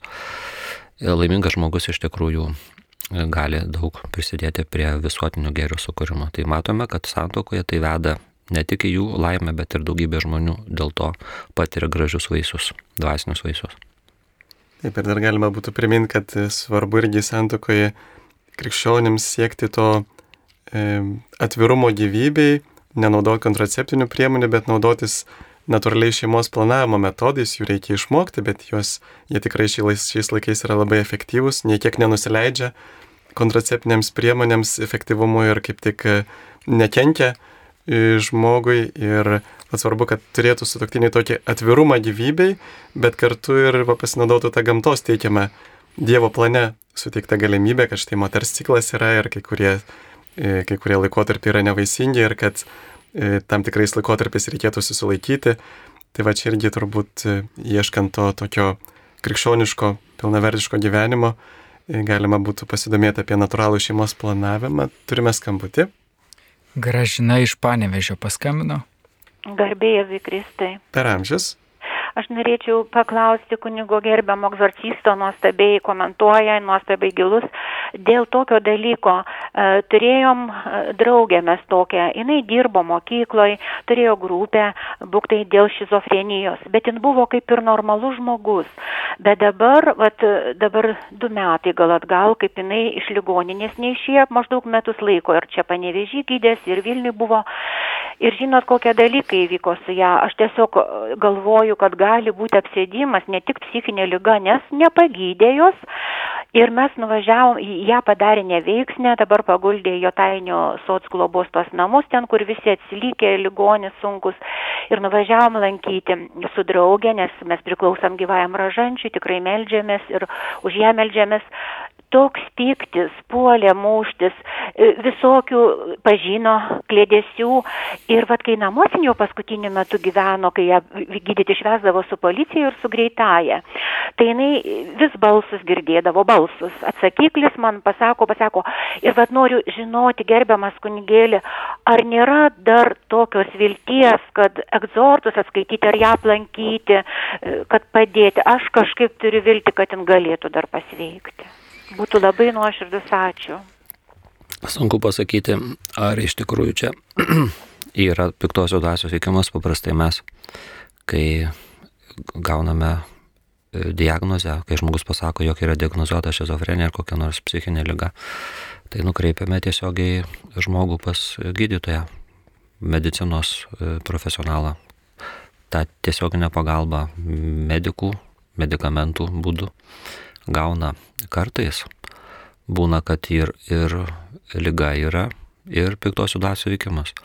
Kartais būna sunku mums, egzorcistams, susigaudyti, kas čia veikia, ar čia yra lyga, patologija, ar čia yra piktosių dvasių veikimas. Tai pirmiausia, jeigu yra mūsų įtarimas ar abejonė, kas čia veikia, ar tai yra lyga, ar tai yra piktosios dvasių veikimas, siunčiam pas mediką, psichoterapeutą, kad jisai išsiaiškintų ir diagnozuotų. Jeigu tas specialistas sako, kad tai nėra lyga, tada mes jau įmamės dvasinių priemonių, melžiamės. Problema yra ta, kad e, daugelis medikų netikė anapusinę tikrovę, dvasių buvimu. Ir e, to žmonės, kurie yra varginami piktų dvasių, pripažįsta kaip ligonius. Tai turbūt kiekvienoje psicho, psichiatrinėje ligoninėje tokių yra bent vienas keletas žmonių. Tai čia aš jau ne, nebepsimu, ne, ne mano reikalas spręsti apie kompetenciją medikų. Bet iš tikrųjų tokie reiškiniai yra. Ir iš tikrųjų yra sunku kitą kartą e, diagnozuoti, kas, kas čia veikia. Jūsų konkrečiu atveju tai tikriausiai yra lyga, bet e, melsis tikrai niekas, niekas ne, netrukdo. Ir reikia ir galima melsis, bet reikėtų pasitikėti medikų rekomendacijomis ir ypatingai vaistų ne, nenustoti vartojus. Nes kai kada žmonės e, kažkokią pagauna idėją fiks, kad čia yra piktos situacijos veikimas, kad čia mūsų nesupranta ir mūsų nesiklauso, nustoja vartoti paskirtus vaistus ir tada pasiekia dar blogesnį, blogesnių rezultatų. Melskitės, norėčiau padrasinti, kad melsumėtės ir turėtumėte viltį tai ligoniai labai rekomenduojama, galbūt net kartą per mėnesį, ypatingai jeigu yra sunkus, sunkesnė lygos forma, e, priimti ligonio sakramentą. Ir malda, ir aišku komunija. Jeigu tik tai yra galimybė, eiti dažnai iš pažinties, priimti šventą komuniją ir dažnai, galbūt net kartą per mėnesį ar bent kas du mėnesiai priimti ligonio sakramentą. Ir teko taip pat girdėti, taip pat kenčiančių žmonių liudijimus, kad dažnai gydytojai vien tos faktus, na, psichiatrai tos faktus, kad jie, pavyzdžiui, tiki egzorcistais, tiki piktąją dvasę ir taip toliau, jau laiko tam tikrą patologiją. Ir, pavyzdžiui, tose klausimynuose irgi psichiatriniuose neretai yra klausimų apie, pavyzdžiui, ar tu tiki piktosios dvasios egzistavimą ir panašiai. Tai va kaip krikščionėms elgtis tokiais atvejais, ar nereikėtų vadovautis tokia taisyklė, kad su psichiatrais nekalbėti apie dvasinius dalykus, nes jie gali palaikyti ligoniais. Aš tai rekomenduočiau ieškoti tikinčio psichiatro, nors tokių nėra labai daug, bet reikėtų ne, nebijoti ir e, prarasti ar laiko, ar pinigų tolimesniai kelioniai. Tiesiog paieškoti. Yra ir, ir Kaune, ir Šakiuose vienas yra gydytojas giliai tikintis, praktikuojantis, tai tiesiog nu, paklausinėti, pa, pasidomėti ar pas kunigą paklausyti ar pas kitus žmonės, kad rekomenduotų. Tai tada iš tikrųjų tas e, tikintis žmogus, kuris yra profesionalus medikas, savo srities specialistas padarys atskirimą ir jeigu matys, kad tai jau išeina iš jo kompetencijos ribų, kitaip sakant, ne medicinė problema, bet dvasinės pasaulis, piktosių dvasios pasaulis, rekomenduos kreiptis į egzorcistą, būna kartais tokių tokiu atveju, kad e, nukreipia tikintis medikas, psichoterapeutas žmogų savo pacientą e, susilaukti, gauti egzorcisto pagalbą. Kitas klausimas, kuo skiriasi visų šventųjų šventė nuo vėlinių, juk abi dienas pagerbėme ir melžiamės užmirusius. Tai čia tokia daugiau tradicija melsis per, per abi dvi dienas užmirusius. Paprastai užmirusius melžiamasi tik tai visų šventųjų vakare, kada jau pradame švęsti vėlinių aštuondienį, o šiaip visų šventųjų šventė tai skirta paminėti visus šventuosius. Taip pat primena, e, kad mes kiekvienas esame nuo pat krikšto įpareigotas, paskirtas, bet ir įpareigotas e, tapti šventuoju. O vėlinės skirtos e, melstis už užmirusius mūsų brolius, seseris, kurie skaistykloje yra. Bet aišku, niekas nedraudžia melstis ir visų, švent, visų šventųjų dieną užmirusius nors geres, geresnė proga, tik tikresnė proga būtų vėlinių diena, lapkričio antroji. Taip, kitas klausimas. Ai, o iš tiesų, kaip jau reiškia, kad per visų šventųjų dieną mes turėtume labiau e, gal prisiminti savo šventuosius globėjus, e, visų šventųjų litanijos sukalbėti, e, paskaityti kažką iš šventųjų gyvenimo. Tai čia yra privaloma šventė, tai pirmiausia reikėtų ateiti dalyvauti šventosios mišiuose, priimti šventą komuniją, tai tada mes susivienime ir su bažnyčia, kur yra šventa, ir su viešpačiu Jėzumi, kuris yra tos bažnyčios galva. Ir iš tikrųjų pasidomėti, gal paskaityti apie kokią nors šventą, paklausyti kokią konferenciją, ar pasimelsti visų šventų litanę būtų tikrai labai gražu prasminga, bet norėčiau akcentuoti būtent šventų, šventos mišiuose. Nes tai yra tikrai susitikimas su visais šventaisiais, nes sustinkame su bažnyčia, mistiniu Kristaus kūnu, ypatingai priimtumi šventai komuniją, mes, mes šventėjame, mes dalyvavome tame e, amžinajame gyvenime, kuris yra mūsų viešpatie Jėzui Kristuje. Turime skambutį. Onutė iš Vilniaus rajono. Taip, Onutė. Garbė, Jėzui Kristui. Per amžius amen. Dievo tokį didelį stebuklą, kurio, vat aš noriu jūs man paaiškinkit. Aš labai trumpai. Važiavau iš Vilnius autobusu, labai stipriai. Pava, buvo žiema ir labai mažai buvo sniego, tik čiučiučiut. Ir aš išlipau iš autobuso, jau nustojo snigti. Ir einu priekį, eina mergaitė. Eina mergaitė, rudu paltu. Nu, aš netkreipiu, eina, eina žmogus juodais batais, trumpais plaukais ir eina rankos sulenktos prieki, kad jinai jo tiesiai taip, ir jinai daug žmonių eina, bet kad jinai pagal, pagal kraštą buvo tvora, tokia aukštardo tvora, į tą baigėsi tvora ir jinai pasuko į kairę. Ir, jinai, ir dabar galvoju, kas čia dabar, ten už penkių metrų kit e, vartai yra. Ir jinai ten nuėjo, aš greitai galvoju, jai pasidarė bloga. Prieinu artin, o pėdsakų nėra ir jos nėra, ir pėdsakų nėra, ir ten, kur ėję šalygatvių, ir ten pėdsakų nėra. Nu nesuprantu, tiesiog nesuprantu. Aš šokė buvau, stovėjau, dairiausi, žiūrėjau. Taip, ačiū. ačiū. Nežinau net ką pasakyti. Ne, neapsimu komentuoti. Taip, svarbu, kad mes kartais ir nelaikytume tokiais na, nepasinertume į prietarus dėl Dievo ženklų, nes kartais mes e, įvairius dalykus galime interpretuoti kaip Dievo ženklus. Tai geriau remtis va šventuoju raštu, ką, ką Dievas man sako per, per Bibliją ir kaip aš tiesiog tai gyvenu. Ehm, toliau klausimas. Labai ačiū už skaitomas knygas per Marijos radiją. Būtų puiku, jei tai būtų vėlesnio vakaro programoje galėtų būti laida, kur anonsuojama savaitės programa. Ačiū už pasiūlymus, pagalvosime apie tai. Kit, e, žvakės liepsna simbolis yra Kristus, mums šviečia, o malda už mirusius yra būtina, mes melžiamės už juos, jie melžiasi už mus. Taip, na čia tiesiog norėjau skaityti pakomentuoti, taip. Ar gali lygą sukelti prakeikimas, jei ligonis po to tapo praktikuojančiu tikinčiuoju ir priima sakramentus, ar prakeikimas gali vis dar galioti? Prakeikimas gali būti įvairių laipsnių, gali būti galesnis, gali būti toks nu, paprastesnis, žiūrint, kas tą prakeikimą užtraukia, jeigu žmogus, pavyzdžiui, leptelėjo ką nors, ne, nu, netyčia arba jokaudamas, tai yra vien, vienas laipsnis, kit, kitas daug gilesnis, pragaištingesnis, jeigu, kaip kalbėjom pradžioje, e, kraujo giminaitis e, užtraukia arba koks nors nu, profesionalas, jeigu taip galim pavadinti, koks nors burtininkas, magas, e, kerėtojas, mediumas ypatingai, kuris turi tiesioginį ryšį su piktosiam dvasiom. Tai dažnai tas prakeikimas toks gilesnis turi tokį kaip ir išliekantį reiškinį ir netgi žmogus kartais įtiki, atsiverčia, nutraukia visus ryšius su okultizmu, jeigu tie, jie buvo arba kokiam nors nuodėmėm. Bet e, pasiekmes to blogio e, lieka. Reikia tada turėti kantrybės, likti ištikimų viešpačiai, prašyti maldos, kad žmonės melstųsi už tai maldą. Pavyzdžiui, rožiniai kalbėtų, suburti daugiau žmonių, kad jie melstųsi pačiam praktikuoti darybės, e, eiti iš pažinties dažnai reguliariai priimti šventąją komuniją.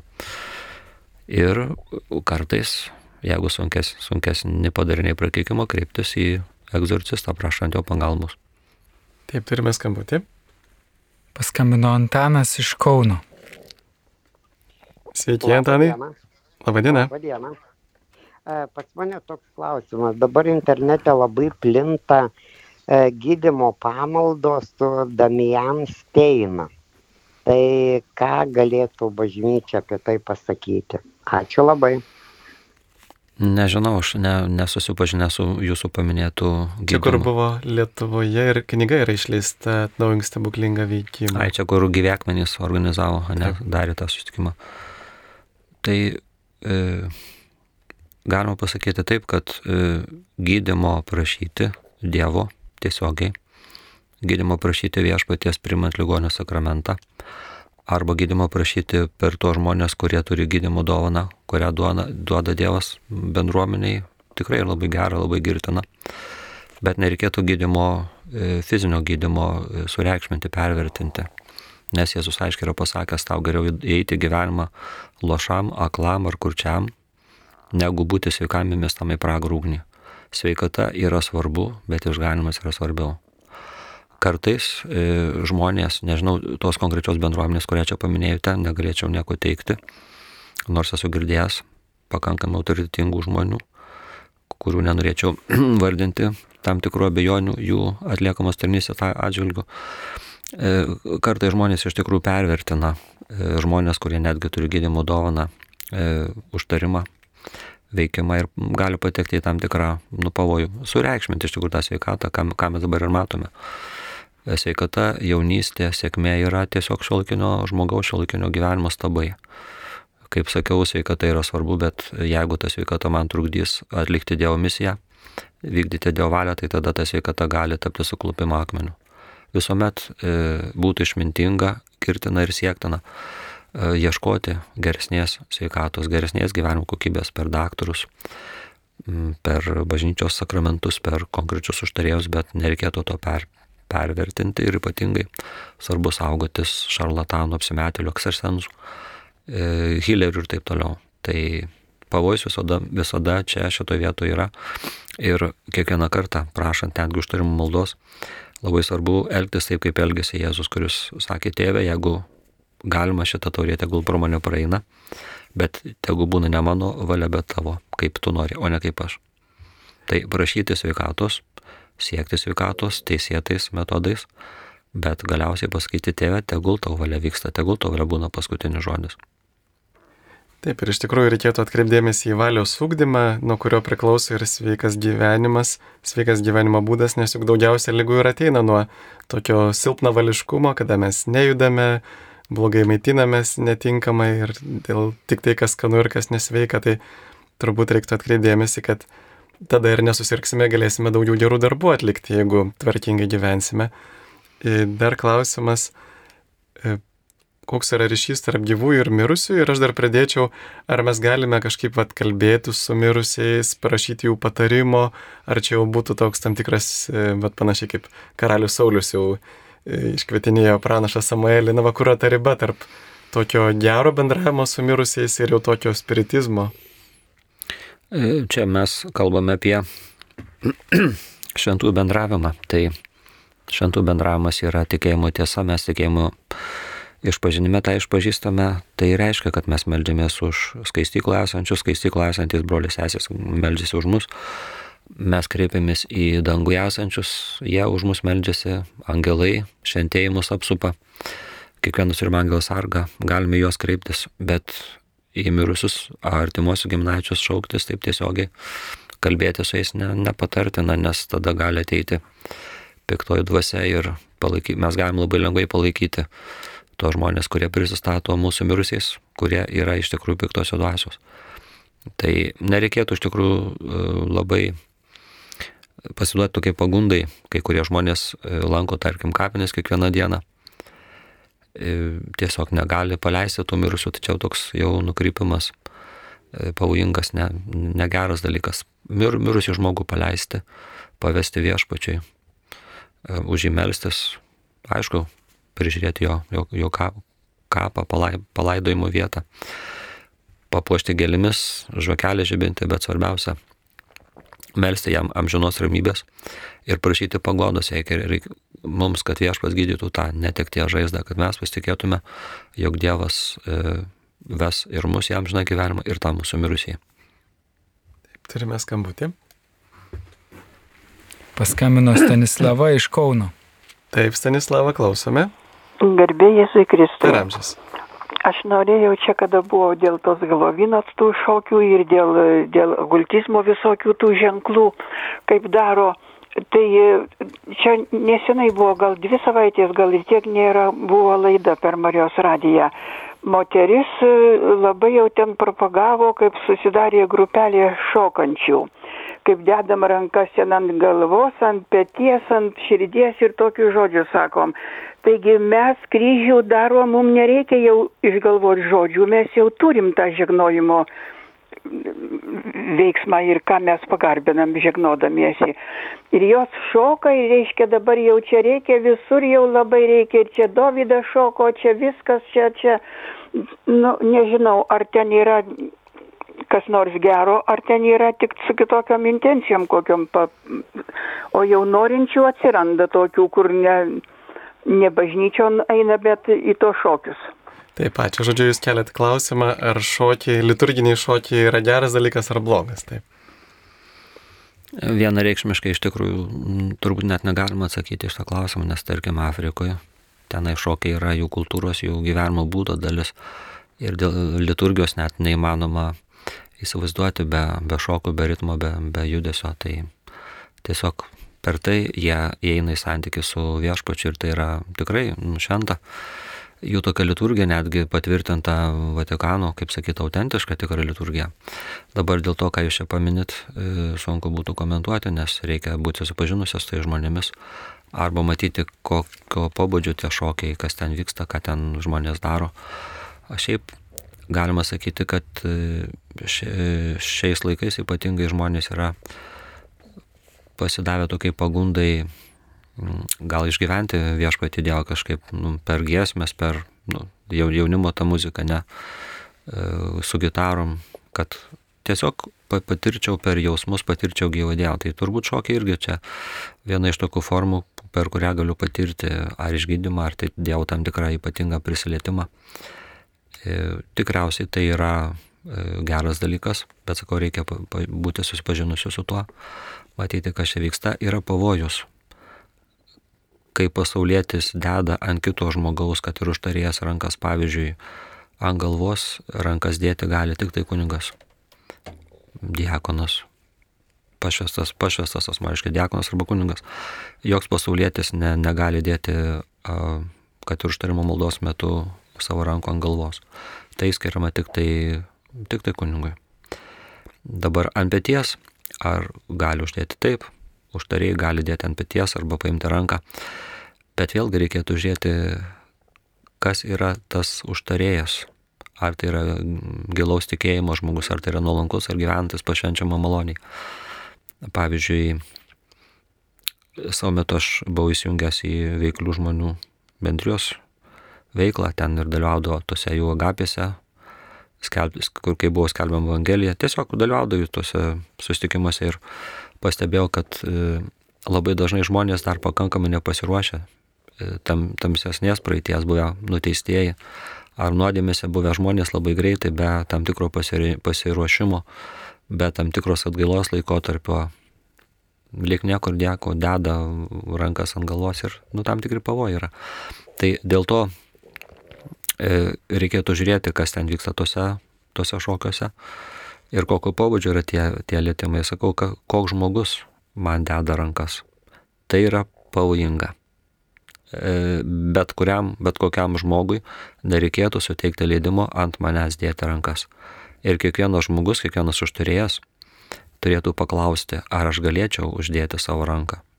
Šiais laikais tai padaryti būtina.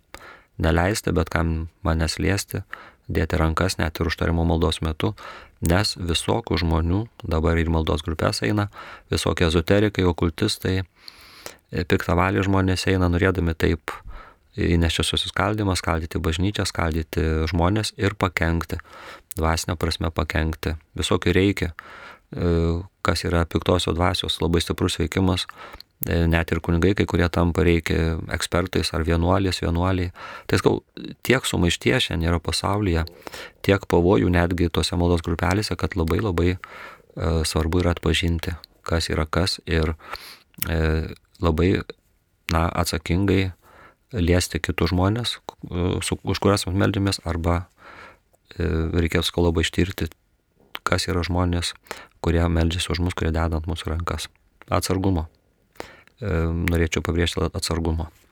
Taip, o pačių liturginių šokių tikrai nereikėtų demonizuoti, tai yra irgi būdas, na, kaip yra muzika, galim ją garbinti Dievą dailę, architektūrą, lygiai taip pat ir šokis irgi gali būti Dievo garbinimui, ne tik tai kažkokiem negeriem dalykams. Ir kas yra blogo Helovino šventime, klausė klausytojas, kai vaikai priima tai tik kaip žaidimą, kaip trumpai argumentuoti draugams pasakyti, kad nešvestų Helovino. Tai apie tai jau kalbėjom pačioje laidos pradžioje, tai ne, nesinori kartuotis, tik tai noriu pabrėžti, kad e, kontekstas arba ištakos tai yra pagon, pagonybė, konkrečiai mirusiųjų demonas Amgainas iškeltų e, kulto. Mums krikščionims ta pagonybė visiškai neprimtina, kaip matėme, tai yra su okultizmu tiesiogiai susijusi šventė, nes satanistai už viso to stovi, jie, jie ten visokias aukas daro, jų tai yra didžiausia šventė. Ir kita vertus, tai yra mirties, kultūros apraiška. O mes iš tikrųjų esame kviečiami puoselėti ir plėsti gyvybės kultūrą. Mums, krikščionims katalikams, tai visiškai neprimtina šventė. Nors, kaip kalbėjome, kalbėjome gali, galima būtų tuo, tuo būdu plėsti tą gyvybės kultūrą.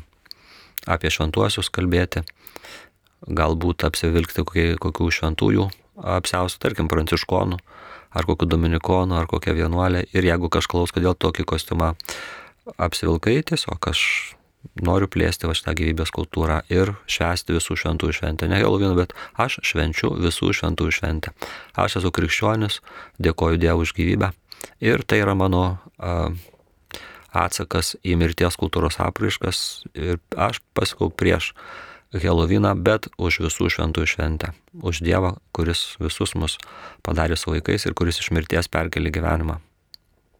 Taip, galim, pavyzdžiui, įsivaizduoti, kaip e, susibūrė žmonės, pavyzdžiui, šlovinti Hitlerį ir ten gali būti labai linksmai ir galima ateiti, sakyti, va štai čia smagu pabūti, bet e, jeigu prisijungi prie to Hitlerio šlovinimo, tai tampi tuo dalininku, bendrininku tų žmonių, taigi geriau neprisidėti prie tų nevaisingų tamsos darbų.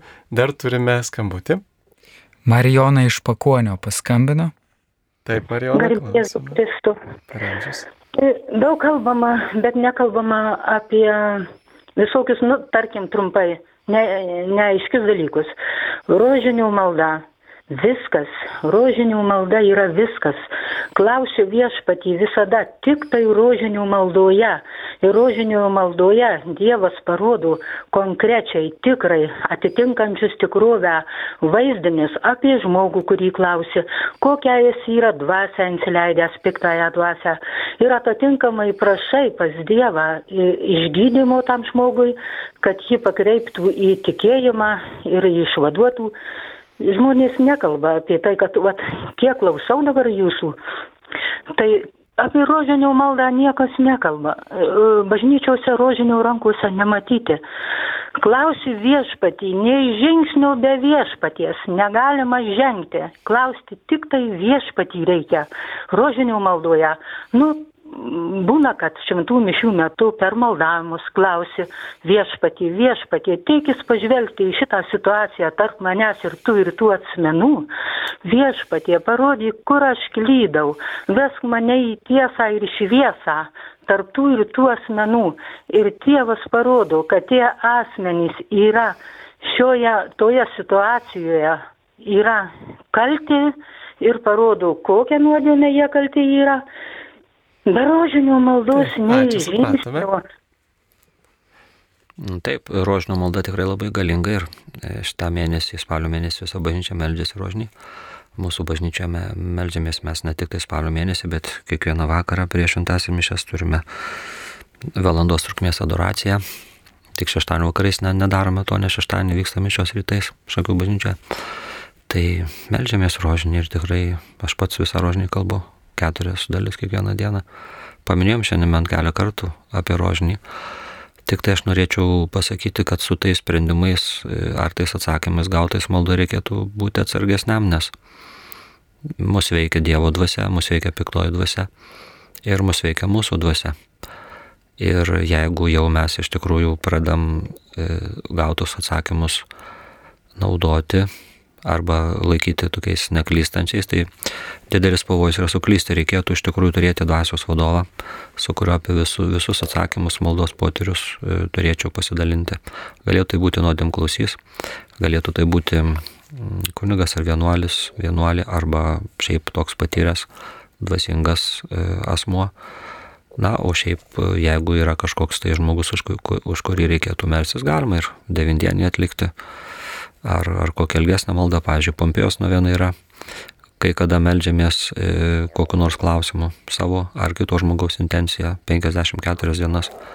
Ir paprastai ateina toks suvokimas, arba tiesiog Dievas leidžia suvokti, arba tiesiog matai vaisių savo arba kitų gyvenime. Rožinis labai galinga malda. Bažnyčia mums duoda kaip pagrindinį ginklą. Taip, dar klausė apie Harry Potterį, kodėl jis toks paplitęs, net bibliotekos organizuojamas šventės. Ir man irgi teko girdėti, kad paskutinė dalis liktai buvo kažkaip ir na, pozityviau Vatikane sutikta. Nežinau, ką ten Vatikanas kalba apie Harry Potterį, ypatingai apie paskutinę dalį, bet šiaip Haris Poteris neprimtinas, mums nereikėtų nei tų filmų žiūrėti, nei, nei knygų skaityti. Užtat tai, kad ten plečiama tokia maginė kultūra, maginis mentalitetas, ten burtai, ten raganos ir vaikus bandoma mokyti nuo pat maž, mažumės būti atviriems e, tam, kaip sakiau, mag, magijos pasauliui, anapusiniai tikrovai, kuri nėra Dievo tikrovė, bet piktų dvasių tikrovė. Nes burtai, magija, visokie spiritizmai arba okultizmai, va, tai Helovinas, prietarai, horoskopai, tai yra iš piktosios dvasios arsenalo. Mums krikščionims tai yra svetima, tai turėtų svetima. Mes neturėtume tame dalyvauti ir vaikų, vaikus kaip tik ugdyti e, nuo mažumės, kad kalbėtų rožinį, kad e, prie išpažinties ir komunijos ne, nedingtų iš bažnyčios, kad skaitytų, tarkim, kokius nors magnifikato platinamus komiksus, o ne kažkokį Harry Potter ir kitus kūrinius. Pavojinga. Tai pavojinga dar ir tuo, kad mentalitetą keičia. Užprogramuoja žmogų būti atviru arba bent jau simpatiku visų to kultinių dalykų. Tai yra blogai. Na ir patį paskutinį klausimą, visų nespėjome. Prieš penkis mėnesius iš gyvenimo išėjo mano mylimiausias sunelis. Jis man buvo viskas, negaliu susitaikyti, jau nebėra nešiojo medalioną su trupučiu pelenėliu, prie paveikslo dega žvakutė visą laiką ir raudo, ar suneliu nedrumsti ramybės, klausė Vida. Nežinau, ką čia pasakyti užuojautą jums dėl sunelio mirties. Pažinau vieną moterį, Dzukijai, kuri buvo netekusio vienturčio sūnaus ir daug metų, gal 10 ar 15 metų, labai blogai jautėsi, lankė turbūt dažnai jo, jo kapą, tiesiog buvo labai prislėgta, labai nelaiminga.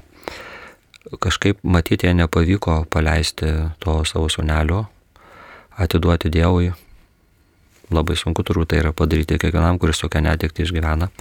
Bet paskui kažkaip jai pavyko sustaikyti su tuo, atiduoti turbūt Dievui. E, ir jinai labai pasikeitė. Iš prislėgtos moteris tapo, nu, tokia rame, nurimusią, palaimintą moterim ir tiesiog daug malonių Dievas davė jai tuo metu, kada jinai paleido savo sūnų, tai nežinau, ar yra tikslinga laikyti to mirusio savo vaikelio palaikus, per dienas liūdėti, prašykite, kad e, broliai sesės už jūs malsus į tos pagodos ir pati prašykite viešpatį, kad padėtų jums sustaikyti, paleisti tą vaikelį į Dievo glėbį, melsti jam amžinos ramybės ir savo ramybės.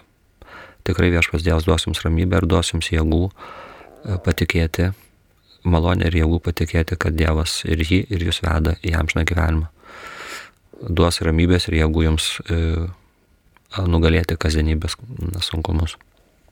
Ačiū. Šiandien laidoje su mumis buvo e, Vilkaviškio viskupijos egzorcistas Šakių Šventojo Jono Krikščitojo parapijos klebonas Antanas Matusevičius ir aš kunigas Sigitas Jurkstas. Gal galėtumėt mus klausytojus palaiminti?